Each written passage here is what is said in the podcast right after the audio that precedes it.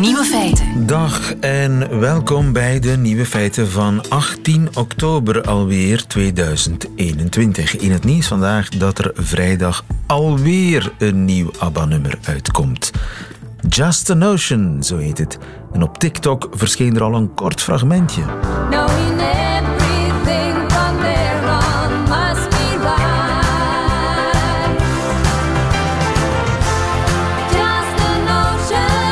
nummer ligt al decennia lang klaar in de schuif van Benny en Björn, maar werd nooit officieel uitgebracht. Het stond alleen als extraatje ooit niet eens zo lang geleden op een CD, een demofragmentje.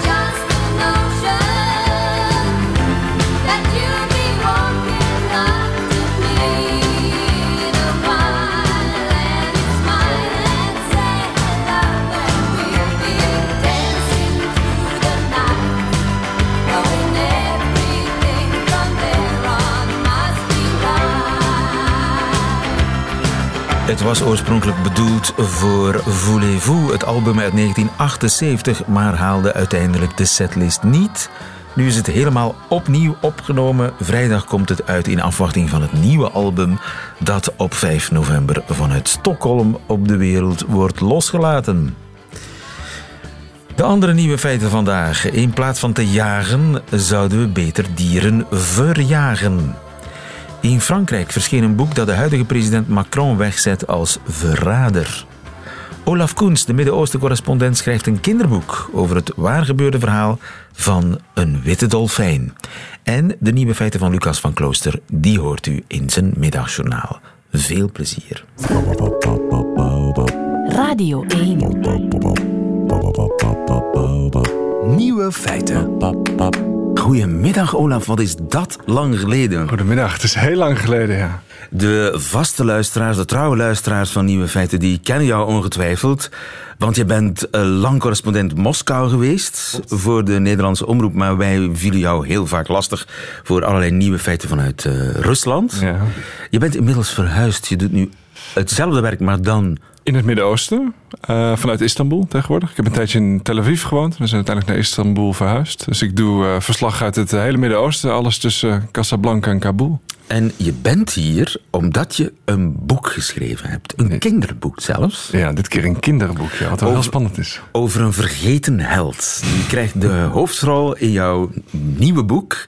Niemand kent hem nog, maar er is een dorp in Turkije. Hoe heet dat dorp ook alweer? Gerze. Gerze. Klein dorpje. Waar, waar hij een standbeeld heeft. Had. Het is ook weer Het is ook- afgebroken. zelfs het is standbeeld af- Zelfs is het standbeeld is weg, ja. Het gaat over Aydin. Aydin, een witte beluga. Een beluga. Dat is, eh, is dat zo'n steurvis? Nee, de, dat, dat was ook mijn eerste eh, gedachte. Eh, dat is de, de, de caviar die je eruit haalt. Het is een bekend merk. Dat heet beluga. Die, die steur heet soms ook beluga. Nee, beluga's zijn hele grote witte dolfijnen. Witte walvissen. Zo'n vier meter lang spierwit, bijna Een magisch. dier. enorme witte dolfijn. Ja, een witte Dat is een beluga. Dat is een beluga. En Aydin, de held in jouw nieuwe boek, is een beluga. Wanneer heb jij voor het eerst van Aydin gehoord? Dat is echt lang geleden. Ik denk dat ik een jaar of zes, zeven jaar oud was. Ehm, ik woonde in Nederland, helemaal in het noorden van Nederland, in Friesland, aan de, aan, aan de zee. En ehm, wij keken vroeger het jeugdjournaal, het nieuws voor kinderen. En eh, daar zat een item in over die Aydin. Want die Aydin, ja, wat ermee gebeurd was, dat, kon ik, dat snapte ik niet helemaal op zevenjarige leeftijd. Maar die was in ieder geval terechtgekomen. En niet, die was ontsnapt uit de poolwater en die was terechtgekomen in een klein Turks vissersdorpje. En daar werd hij onthaald als held. Gertse, een vissersdorp aan de Zwarte Zee, staat helemaal op zijn kop. Duizenden schoolkinderen staan op de kade en roepen zijn naam. Ze hebben speciaal een dagje vrijgekregen om hem te gaan bekijken. En ook honderden volwassenen staan te dringen om een glimp van Aydin op te vangen. Vissers geven hem lekkere hapjes en spelen met hem. Ja. 1993, het jeugdjournaal, het NOS Jeugdjournaal. De zevenjarige Olaf Koens in een zeer afgelegen Fries vissersdorpje. Ja. Zit er met eh, stijgende verbazing naar te kijken en met kloppend hart. Ja, met kloppend hart, omdat ik vurig hoopte dat hij misschien, hè, als, als die beluga die zo vriendelijk en aardig leek, als die daar in zo'n Turks dorpje op kon duiken, dan zou dat toch misschien ook wel bij mij kunnen. Dus ik heb, en dat kan ik me herinneren, ik heb echt over de dijk staan turen, lang als kind, en aan mijn vader gevraagd van, god papa, zou, zou Aydin nou niet ook hier bij ons op kunnen komen duiken? Want het was heel merkwaardig hè, dat zo'n vis die zich eh, thuis voelt in poolwateren, Ja. dat die plotseling opdook aan de Turkse kust. Ja, wat daar gebeurd is, ik ben dat natuurlijk vergeten als kind. hè. Ik heb dat toen maakte dat heel veel indruk en later vergeet je dat. En nou, 25 jaar later, als volwassen man, ben ik in het oosten van Rusland, waar die beesten in het wild leven. En ik sta rustig aan de kade te wachten in de, in de buurt eh, in- bij Chukotka, echt aan de, aan het verre oosten van Rusland. En ik sta rustig te wachten. Ik loop een rondje langs de kade en ik zie daar ineens een beluga zwemmen. En toen dacht ik, ja, dat was ook zo. Aydin, daar heb ik als kind zo lang op gewacht. En toen ben ik dat uit gaan zoeken. En wat is er nou gebeurd? De Russen in de Sovjet-tijd en eigenlijk tot op de dag van vandaag gebruiken deze beluga's voor spionagedoeleinden. Het zijn hele slimme dieren. Die kun je trainen, die kun je opleiden. Die gebruiken ze om militaire bases te beveiligen. Eh, die schijnen zelfs onderzeeërs op, op te kunnen sporen en dergelijke. Het is een heel slim dier. De Russen gebruiken die dieren. En dat hebben ze ook in de jaren negentig gedaan. Ze hebben dus zo'n jonge beluga gevangen in het oosten van Rusland. Met een vliegtuig naar de Krim gevlogen. En daar is deze Aydin dus ontsnapt. En zo is hij in Turkije terechtgekomen. En op de Krim werd hij opgeleid als spion. Als spion? Ja. En werd hij dan uitgerust met toestellen, met hoogtechnologische apparaten? Nee, ze Kreeg je hebben een ook- harnasje om? Een harnas, ja. Ze hebben ook recentelijk Camera's. nog wel, precies, met camera's. Ze hebben recentelijk ook nog een aantal jaar geleden in Noorwegen een beluga gevonden. Inderdaad, met een, met een, met een soort leren harnasje om zich heen. Juist, Waar ja. bovenop je dan een GoPro-camera zou kunnen installeren. Ja, en daar stond eh, gemaakt in Sint-Petersburg stond Ja, dat stond inderdaad. Dat was het. Ja, dat was toen. Waardoor het als spionagedier waarschijnlijk niet zo geschikt was. Nee, niet, niet, eh, maar in principe hoort hij eh, onder water te zijn en zie je hem niet. Nou, in dat Gerze in Turkije gebeurde dus het tegenovergestelde. Dat beest is ontsnapt en is daar in dat vissersdorpje onthaald als een, als een fenomeen. hè. Dit is de jaren negentig, de mensen daar waren arm. Ze kenden, en ze kenden alleen de vissen die ze zelf vingen. Maar ineens komt daar iets, iets, iets magisch. En dat heb ik dus op televisie gezien. En daar, dat, dat verhaal ben ik gaan maken. Daar ben ik naar op zoek gegaan. Dus je bent naar Gerzing gegaan. ik ben naar Gerze gereden en daar en gebeurde met wie heb je daar um, gepraat? Nou, ik, ik ben natuurlijk gewoon eerst naar de visafslag gegaan, naar de haven. En is gevraagd, ik ben gewoon maar eens gaan vragen, kent u dit nog? Hè? 27 jaar later. En daar gebeurde iets waanzinnigs. Dat is dat al die Turkse vissers, grote, noestige mannen met kolenscheppen als handen, die begonnen allemaal te huilen. Die kregen tranen in hun ogen. Die zeiden: Aiden, Aiden, ja, dat is het mooiste wat ons ooit is overkomen. En ik heb de visser gevonden die hem voor het eerst heeft gevonden. En de burgemeester van destijds, die dat standbeeld later voor hem heeft opgetrokken. Het was een sprookje. Het, was een, het is een waar gebeurd sprookje, ja. Ja. Want ze hebben die vis vertroeteld. ja, ze hebben hem heel goed verzorgd. Eh, ze hebben hem te eten gegeven. Hij was hongerig.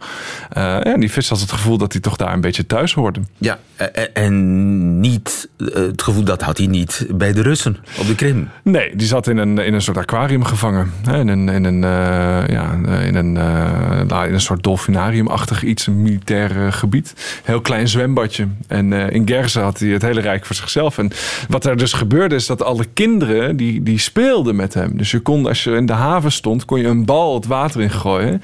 En dan gooide met zijn staart bracht Aiden hem terug. Mensen die langs de kant van het water stonden, werden nat gespetterd. Je kon, ja, kon apporteren letterlijk. Eh, met, met ballen, en voetballen, en eh, strandballen en dergelijke. En is hij daar dan gebleven?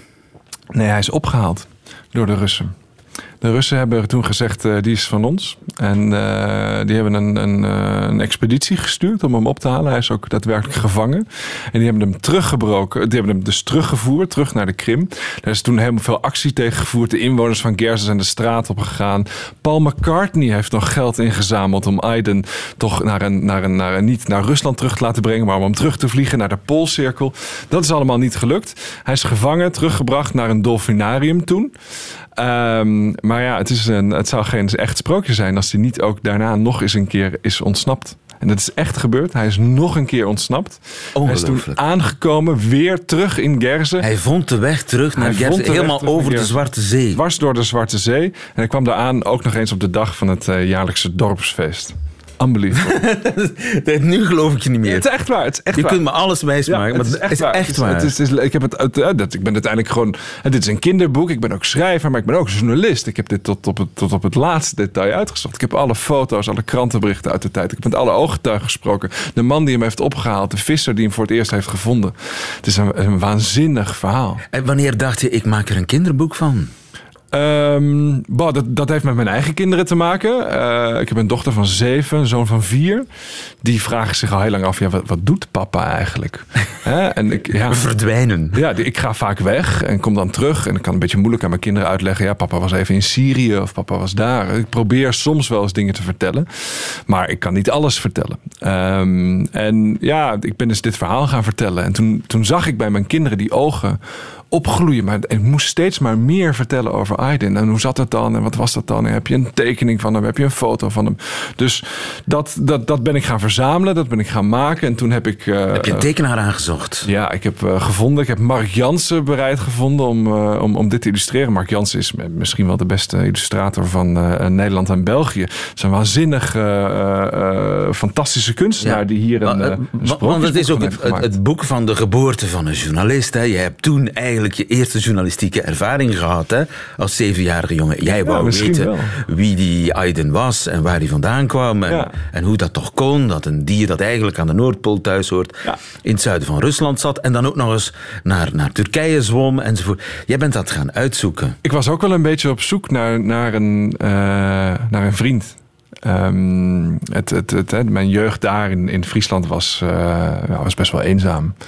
Eh, het had mij wel heel mooi geleken. Waarom was je echt- eenzaam in Friesland? Het is leeg daar. Het is als het, het Vlaamse Ben platteland. je een echte. Fries? Nee, nee, ik kom daar ook niet vandaan. Je bent Dus geen etnische Fries. ben geen etnische Je spreekt geen Frieslands of ook ja, dat heb ik wel moeten leren daar op school. Jazeker wel. Jij kunt Frieslands. Ja, dat ken ik wel. Ja. Oké, maar laten we niet afdwalen. Hoe is het met hem afgelopen, met Aydin? Ehm, Mag, je dat, mag je dat vertellen? Nee, dat ga ik absoluut niet vertellen. Eh, al zet je een mes op mijn keel. Ehm, eh, dat, eh, dat- ik heb hier overigens een mes. Nee, Ja, dat is geen enkel probleem. Nee, ik zal niet vertellen hoe het is afgelopen. Ik heb natuurlijk aan iedereen gevraagd hè, van, van waar is hij nu dan? Dus hij is toen teruggekomen, de tweede keer ontsnapt. En toen na verloop van tijd hebben ze hem niet meer gezien. En als je vraagt aan de burgemeester van destijds, aan, aan de visser die, die ik heb gesproken, aan andere mensen die daarbij betrokken waren toen in de jaren negentig, dan zeggen die allemaal van ja, eigenlijk, eigenlijk zijn wij ervan overtuigd dat hij nog altijd tot op de dag van vandaag ergens in de diepte van de Zwarte Zee eh, rondzwemt. Zo zou het moeten. Olaf Koens, dankjewel voor je komst en veel succes met je boek over Aydin. Hoe heet het? Aydin de Witte Dolfijn? Nee, Aiden, het waar gebeurde verhaal van een beluga. Dankjewel, Olaf. Tot de volgende. Nieuwe feiten. Coucou de France. Met Alex Visorek.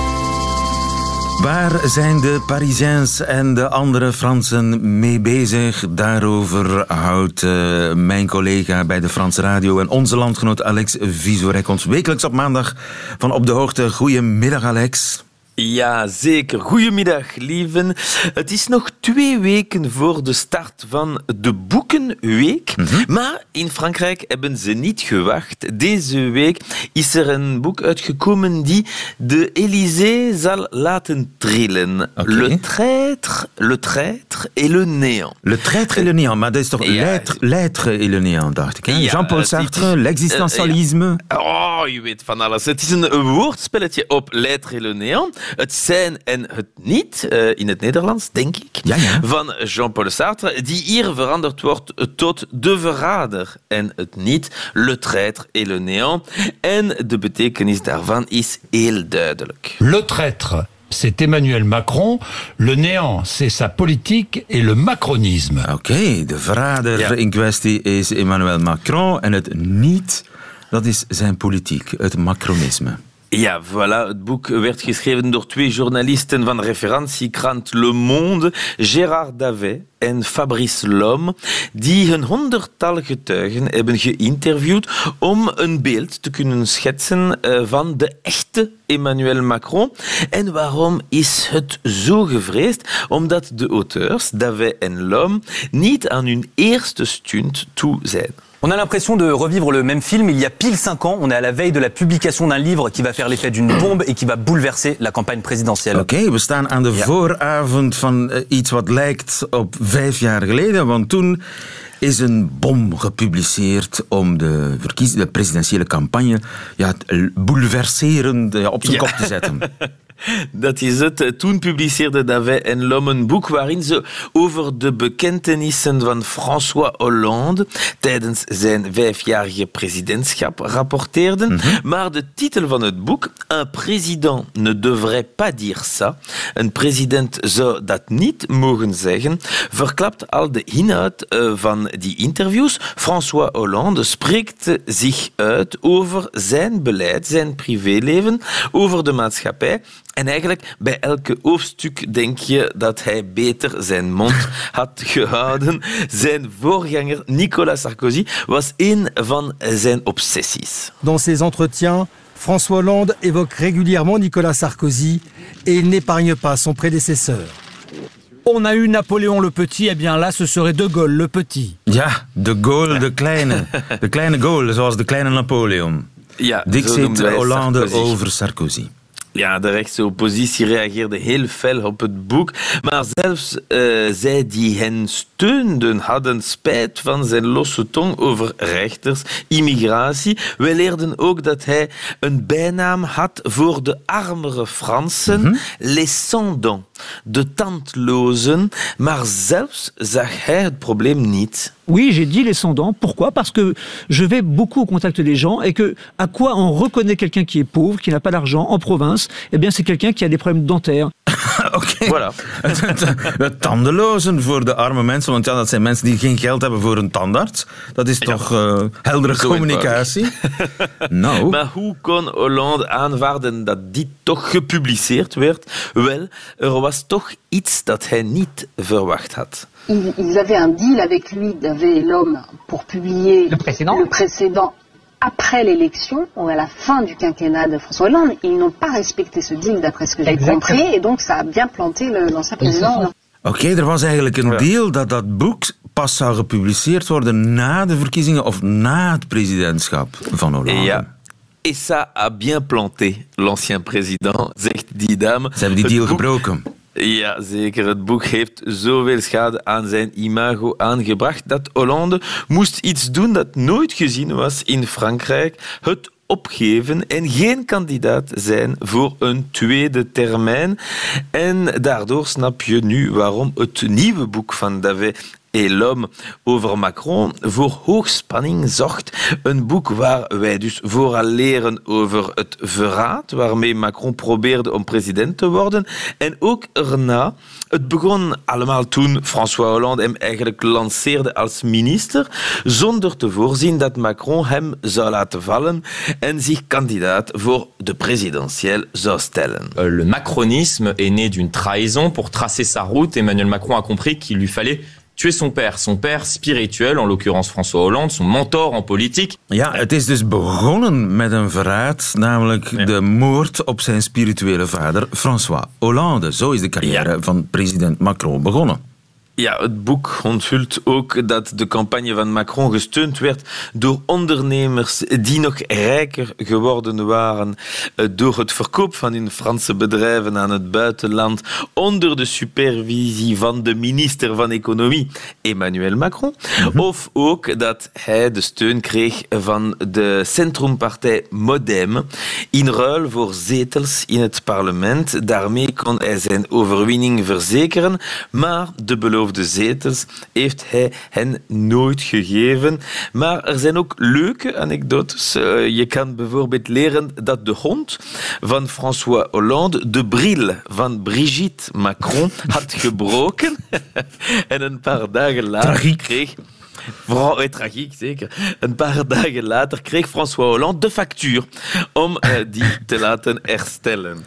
Nu moet ik ook eh, benadrukken dat president Macron weigerde met de journalisten te spreken, wat de president Hollande bij hun vorige boek wel deed. Maar wie heeft dan wie- wel getuigd? Ja. Dat is de vraag. Qui est d'ailleurs votre principal informateur Eh bien, il y en a 110. Hein, euh, Oui, il y en a 110, mais le principal qu'on retrouve du début à la fin du livre. Vous savez, celui, je sais à qui vous pensez. Je vais- oui, alors bah je vous aussi, d'ailleurs. François Hollande.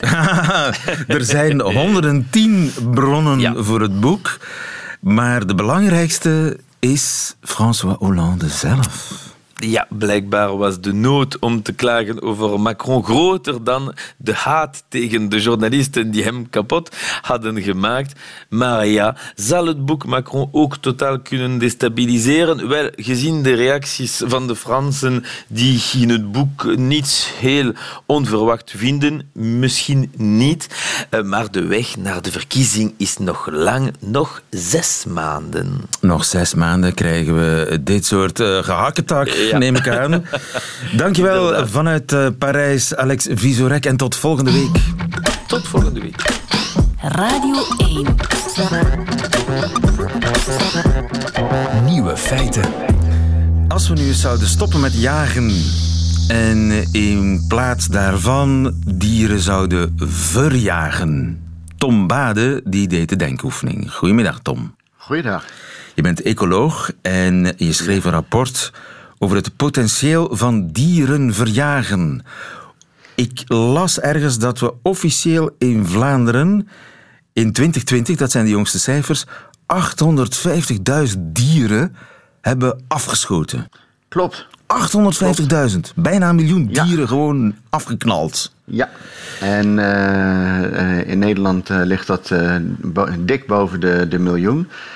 En een eh, groot deel eh, van, eh, van deze dieren dat heeft niks met bijvoorbeeld consumptie te maken. Dat is vooral jacht. Die wordt, wordt ingesteld om dieren zogenaamd te, te verjagen.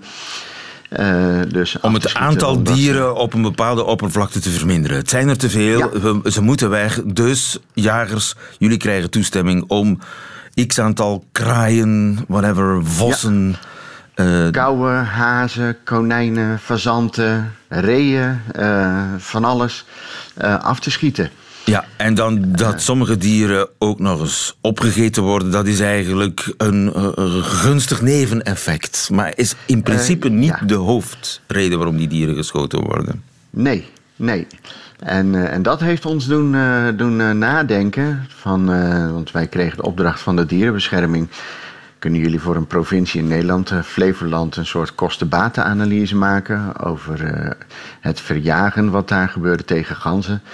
En toen hebben wij gezegd, nou laten we maar eens een keertje meer fundamenteel gaan nadenken over verjagen als ja, volwaardig concept. Ja? Een, een alternatief voor de jacht. Of ook desnoods naast de jacht. Eh, want er wordt in principe heel veel afgeschoten. Eh, terwijl niet het doel is om die dieren eh, af te schoten, bijvoorbeeld af te schieten voor, eh, voor consumptie, maar om gevaar, schade of hinder te voorkomen of te verminderen. Maar simpele boerenvraag, als je die dieren verjaagt, gaan ze dan niet elders diezelfde overlast gaan bezorgen? Ja, en daarom stellen wij ook voor om daar eens goed over te gaan nadenken. Want het gebeurt allemaal een beetje hapsnap. Eh, overal, want we hebben ook internationaal gekeken. Want ja, we willen natuurlijk wel weten, wordt er ergens eh, wel heel goed nagedacht eh, over verjagen als concept? Wordt het ergens een beetje, hoe zeg je dat, samenhangend uitgevoerd? Nou, dat is niet, niet het, het geval. Oh, dus Nederland zou nee. gidsland kunnen worden alweer. Ja, alweer. Ja, alweer. Dus je moet een, je moet een plek hebben, je moet een plek hebben Ja. waar die dieren naartoe kunnen. Is die ja, plek er? precies. Eh, en dat is onderdeel van, van wat wij voorstellen. Eh, wij zeggen er zijn een. eh, je moet goed kijken van als je ze gaat verjagen, waar je ze naartoe verjaagt. Hè? Dus niet van het land van, van boer Bintje naar eh, boer, boer Spruitje. Maar echt naar een gebied waar, waar wat voor die dieren bedoeld is. En dat kan ook nog per soort verschillen, want ganzen kunnen ver vliegen en, en hazen minder ver, ver lopen. Dus daar moet je over nadenken. En wat wij ook zeggen, je moet ook nadenken hoe je dat, dat doet. Ja. En ehm, dat kan gewoon eh, met eh, eh, ouderwetse middelen. Maar er zijn tegenwoordig roepen. hele nieuwe... Ja, doelgroepen, ja. Nee, ik bedoel boerroepen. Boerroepen, boerroepen. oh, doelgroep. Als je gewoon Ja, boerroep. boerroep, ja. Dat ja helpt maar niet, hè? wij zeggen, het In is veel toch niet de bedoeling dat er allemaal verwarde mensen in het buitengebied gaan rondlopen. Dat- en, en een beetje... eh, Maar daar zijn nou tegenwoordig aan de hand? moderne technieken zijn daar tegenwoordig voor. Ja, ja vooral met, eh, met eh, eh, sensoren kan je zien hoeveel dieren er in een terrein zitten, zelfs wat voor dieren. En dan kan je bijvoorbeeld, dat doet een computer, daar drones op afsturen. En die verjagen die dieren, net als dan een soort moderne schaapshonden. Gebeurt dat al ergens? Zijn er al experimenten mee met drones die Ja, dieren ja, naar een bepaalde plek jagen? Ja, ja. En eh, dat, eh, dat gebeurt eh, in Nederland bijvoorbeeld bij, bij Shell in Moerdijk. Daar worden dat soort dingen gedaan. Er zijn bedrijven die daarin gespecialiseerd zijn. Maar wat je ziet is dat allemaal maar...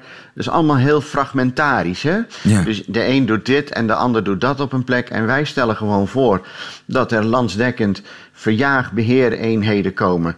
Waar gewoon mensen met elkaar afspreken hoe zij in een bepaald gebied de dieren eh, verjagen. Net Ja. zoals dat gebeurt voor de jacht. Lang geleden had ik een, een grote tuin. Eh, samen met eh, alle andere buren in de straat. We hadden dezelfde diepe tuinen. Eh Ja. Allemaal rijtjeshuizen, maar met een hele diepe tuin achteraan. En de meeste mensen hadden daar kippen, schapen, ganzen op lopen. Tot er een vos in de straat kwam wonen. Ja. En die beet alle dieren dood. Systematisch. Ja, Wat klopt. hadden wij kunnen doen om die vos te verjagen? Nou, er zijn eh, meerdere eh, manieren. Hè. Er zijn, je kan natuurlijk met hekken en daar kan je ook bijvoorbeeld een, eh, een beetje stroom op, eh, opzetten. Maar er zijn ook natuurlijk, je kan heggen maken die heel dicht zijn. Ehm, en je kan dieren echt afschrikken met, met lawaai. En wat je dus had moeten hebben, is een soort verjaagbeheereenheid, wat wij zeggen, die je kan bellen in zo'n gebied en zeggen wij hebben last van een vos. Dan was het bij jullie nog, nog een vos, maar het kan ook een wolf zijn tegenwoordig. Ja. Ook dat gebeurt allemaal maar ad hoc. Ik hoorde iets van Eh, felle flitslichten worden ook gebruikt. Ja, klopt. Er worden, met, eh, er worden lasers gebruikt, eh, die schrikken dieren enorm af. Er worden ultrasone geluiden gebruikt, die schrikken enorm af. Slim hekken plaatsen helpt ook altijd.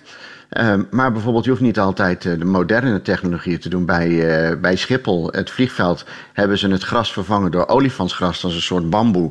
En daar hebben ze nu gewoon geen last meer van ganzen. Ja. Oh, Dus ja, kijk. dus het ja, gebeurt dus- al op kleine schaal.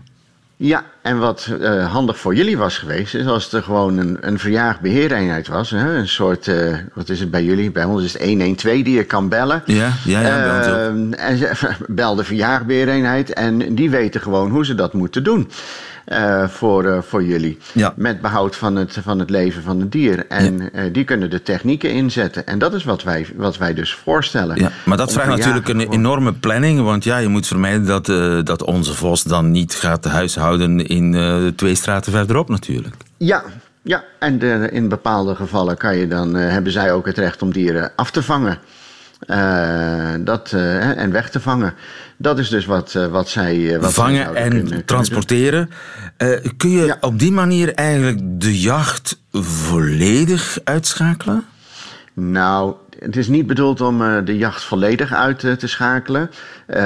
Ik ben zelf geen, geen fan van jacht, maar in ecologische zin kan je ook niet echt tegen jacht zijn, want jagen, dat doen dieren nu eenmaal. Eh, maar ik vind wel dat eh, jacht en verjagen veel duidelijker gescheiden moeten worden. Eh, wat je nu ziet is dat er onder het mom van verjagen een heleboel dieren gedood worden, eh, terwijl dat niet de bedoeling is. Ehm, en in bepaalde gevallen zal je toch een dier moeten uitschakelen. Kijk, stel dat een dier echt gevaar oplevert voor de samenleving. Ehm, dat kan een wild zwijn zijn, dat kan een wolf zijn. Dan zou je hem toch moeten uitschakelen. En wij hebben met de ecologen gesproken. En die zeiden, ja, dieren zijn slim. En in een enkel geval moet je toch iets doden om een voorbeeld te stellen. Want anders denken ze van, ja, je bluft wel, Ja, ja. maar je bijt niet. en dat hebben dieren op een gegeven moment ook wel door. Zo van... eh, Hier ja, is levensgevaar. Ja, en eh, het moet wel, eh, dat, dat wordt wel doorgegeven, laten we het zo zeggen. Ja. Dat moet in het collectief bewustzijn landen. Dus helemaal zonder, dat is niet, eh, dat is de vraag. Maar je kunt Het van die acht, stel, we hebben nu 850.000 dieren op een jaar ongeveer die afgeschoten worden. Dat, dat kan rustig Ja, dat, dat, gehalveerd, dat- dat misschien zelfs nog een kwart daarvan. Meer, veel meer. De 10, 20 procent hoeft dat maar. Eh. Dus wat je, wat, je, wat je ziet is dat eh, er heel veel gedood wordt... wat eigenlijk verjaagd had, eh, had kunnen en moeten worden. Ehm, Je hebt daar nu en een rapport over geschreven. Wat gaat daarmee gebeuren? Wordt dat in een lade veilig opgeborgen? Of? Nee, nee, nee, nee. Daarom ook voor de luisteraars. Wij hebben er een leuk boekje van gemaakt. Eh, zodat het ook echt gelezen wordt. Het heet dus Met de Schrik Vrij. En dat, dat is naar alle eh, belanghebbenden eh, in Nederland eh, dan eh, gestuurd in dit geval. En wij willen dan ook een pilot gaan, gaan draaien. Een piloot, een, een eerste versie. in, bij ons in Nederland. En dat zal waarschijnlijk, dat wordt nu, daar wordt voor gepleit in de buurt van, Een proefproject. Noord-Holland zijn. Ja. Ja. Tom Bade, met de schrikvrij, zo heet eh, jouw boek. En ik mag je nog veel succes wensen met Nee, je projecten. Tom Bade, ja, goedemiddag. super. Jo, Overigens, de Belgische ambassade in Australië die doet al aan dieren verjagen. De Belgische ambassadeur Michel Gauvin die heeft een, eh, een leuke hobby. Hij houdt eenden, doet hij al sinds 2012, toen hij ambassadeur in Laos was en daar een stel eenden kreeg, cadeau. En nu hij in Australië werkt, is die hobby alleen maar gegroeid. Want de ambassadeur en zijn eenden die hebben daar eh, namelijk drie hectare. Drie hectare grond in Australië, vlakbij de hoofdstad Canberra. Dat ging goed, die eenden, op die drie hectare, tot de vos kwam. Als dierenvriend is de vos een doden uit den boze natuurlijk voor de ambassadeur. Gelukkig vond hij een diervriendelijke manier om zijn eenden veilig te houden. Hij adopteerde twee alpaca's, twee van die kleine lama's. Alpaca's zijn namelijk zeer goed in het weghouden van vossen. Drijven de vos in een hoek en stampen hem dan met een kracht van 60 kilogram. Heel diervriendelijk volgens mij. Maar in ieder geval, de eenden die blijven leven.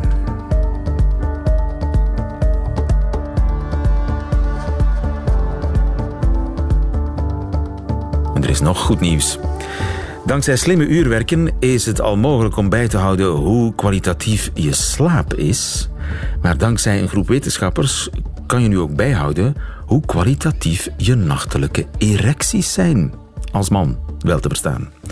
Het gaat om een ring die over je piemel gaat en die verbinding maakt met een telefoon. En voor alle duidelijkheid, het is meer dan een gadget. Het apparaat moet mensen die lijden aan erectiestoornissen en aan impotentie helpen. Mannen die hebben gemiddeld vijf erecties per nacht, die in totaal zo'n drie kwartier duren. Door de afwijking van het gemiddelde te meten krijgen dokters dan gegevens in handen om beter te onderzoeken wat er aan de hand is. U kunt die erectietrekker aanschaffen voor 40 euro en dat is toch geen geld. Als je bekijkt naar het resultaat, toch?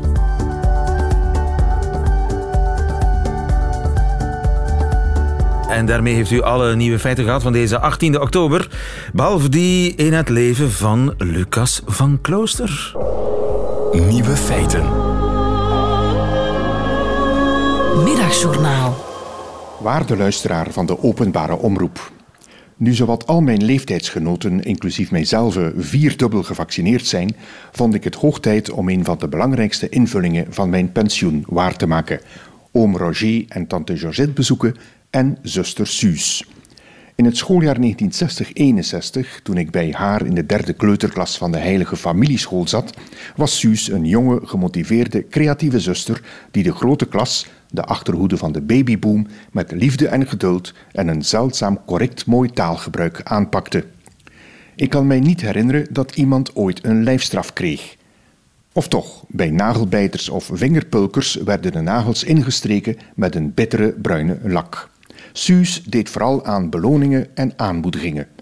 En enkele uren per week mochten we heerlijk vrij spelen en kleurrijk knutselen op de vloer. Niemand benaderde het begrip engel zo dicht als zuster Suus. Ze moest zich uiteraard houden aan conventies uit die tijd. Ik herinner mij nog helder die realistische vrede dia-voorstelling over het lijden van Christus.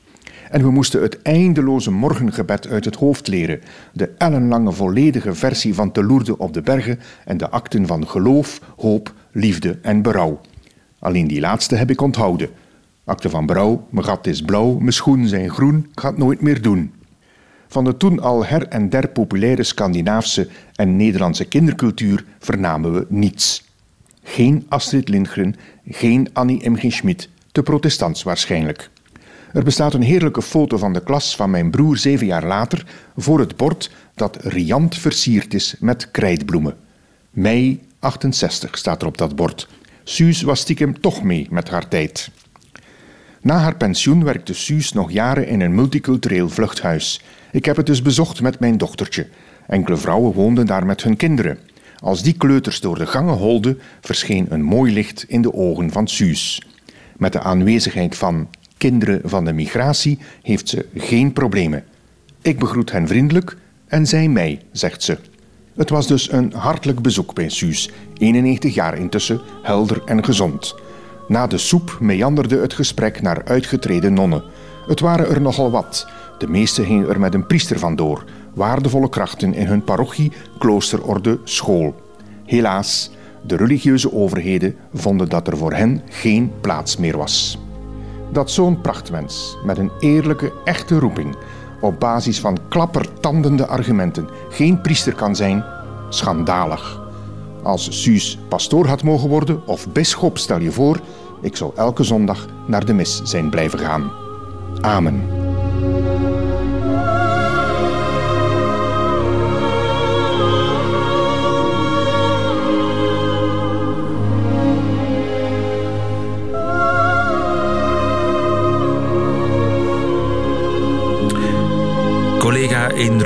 Lucas van Klooster in het Middagjournaal deze week. Waarvoor dank, Lucas.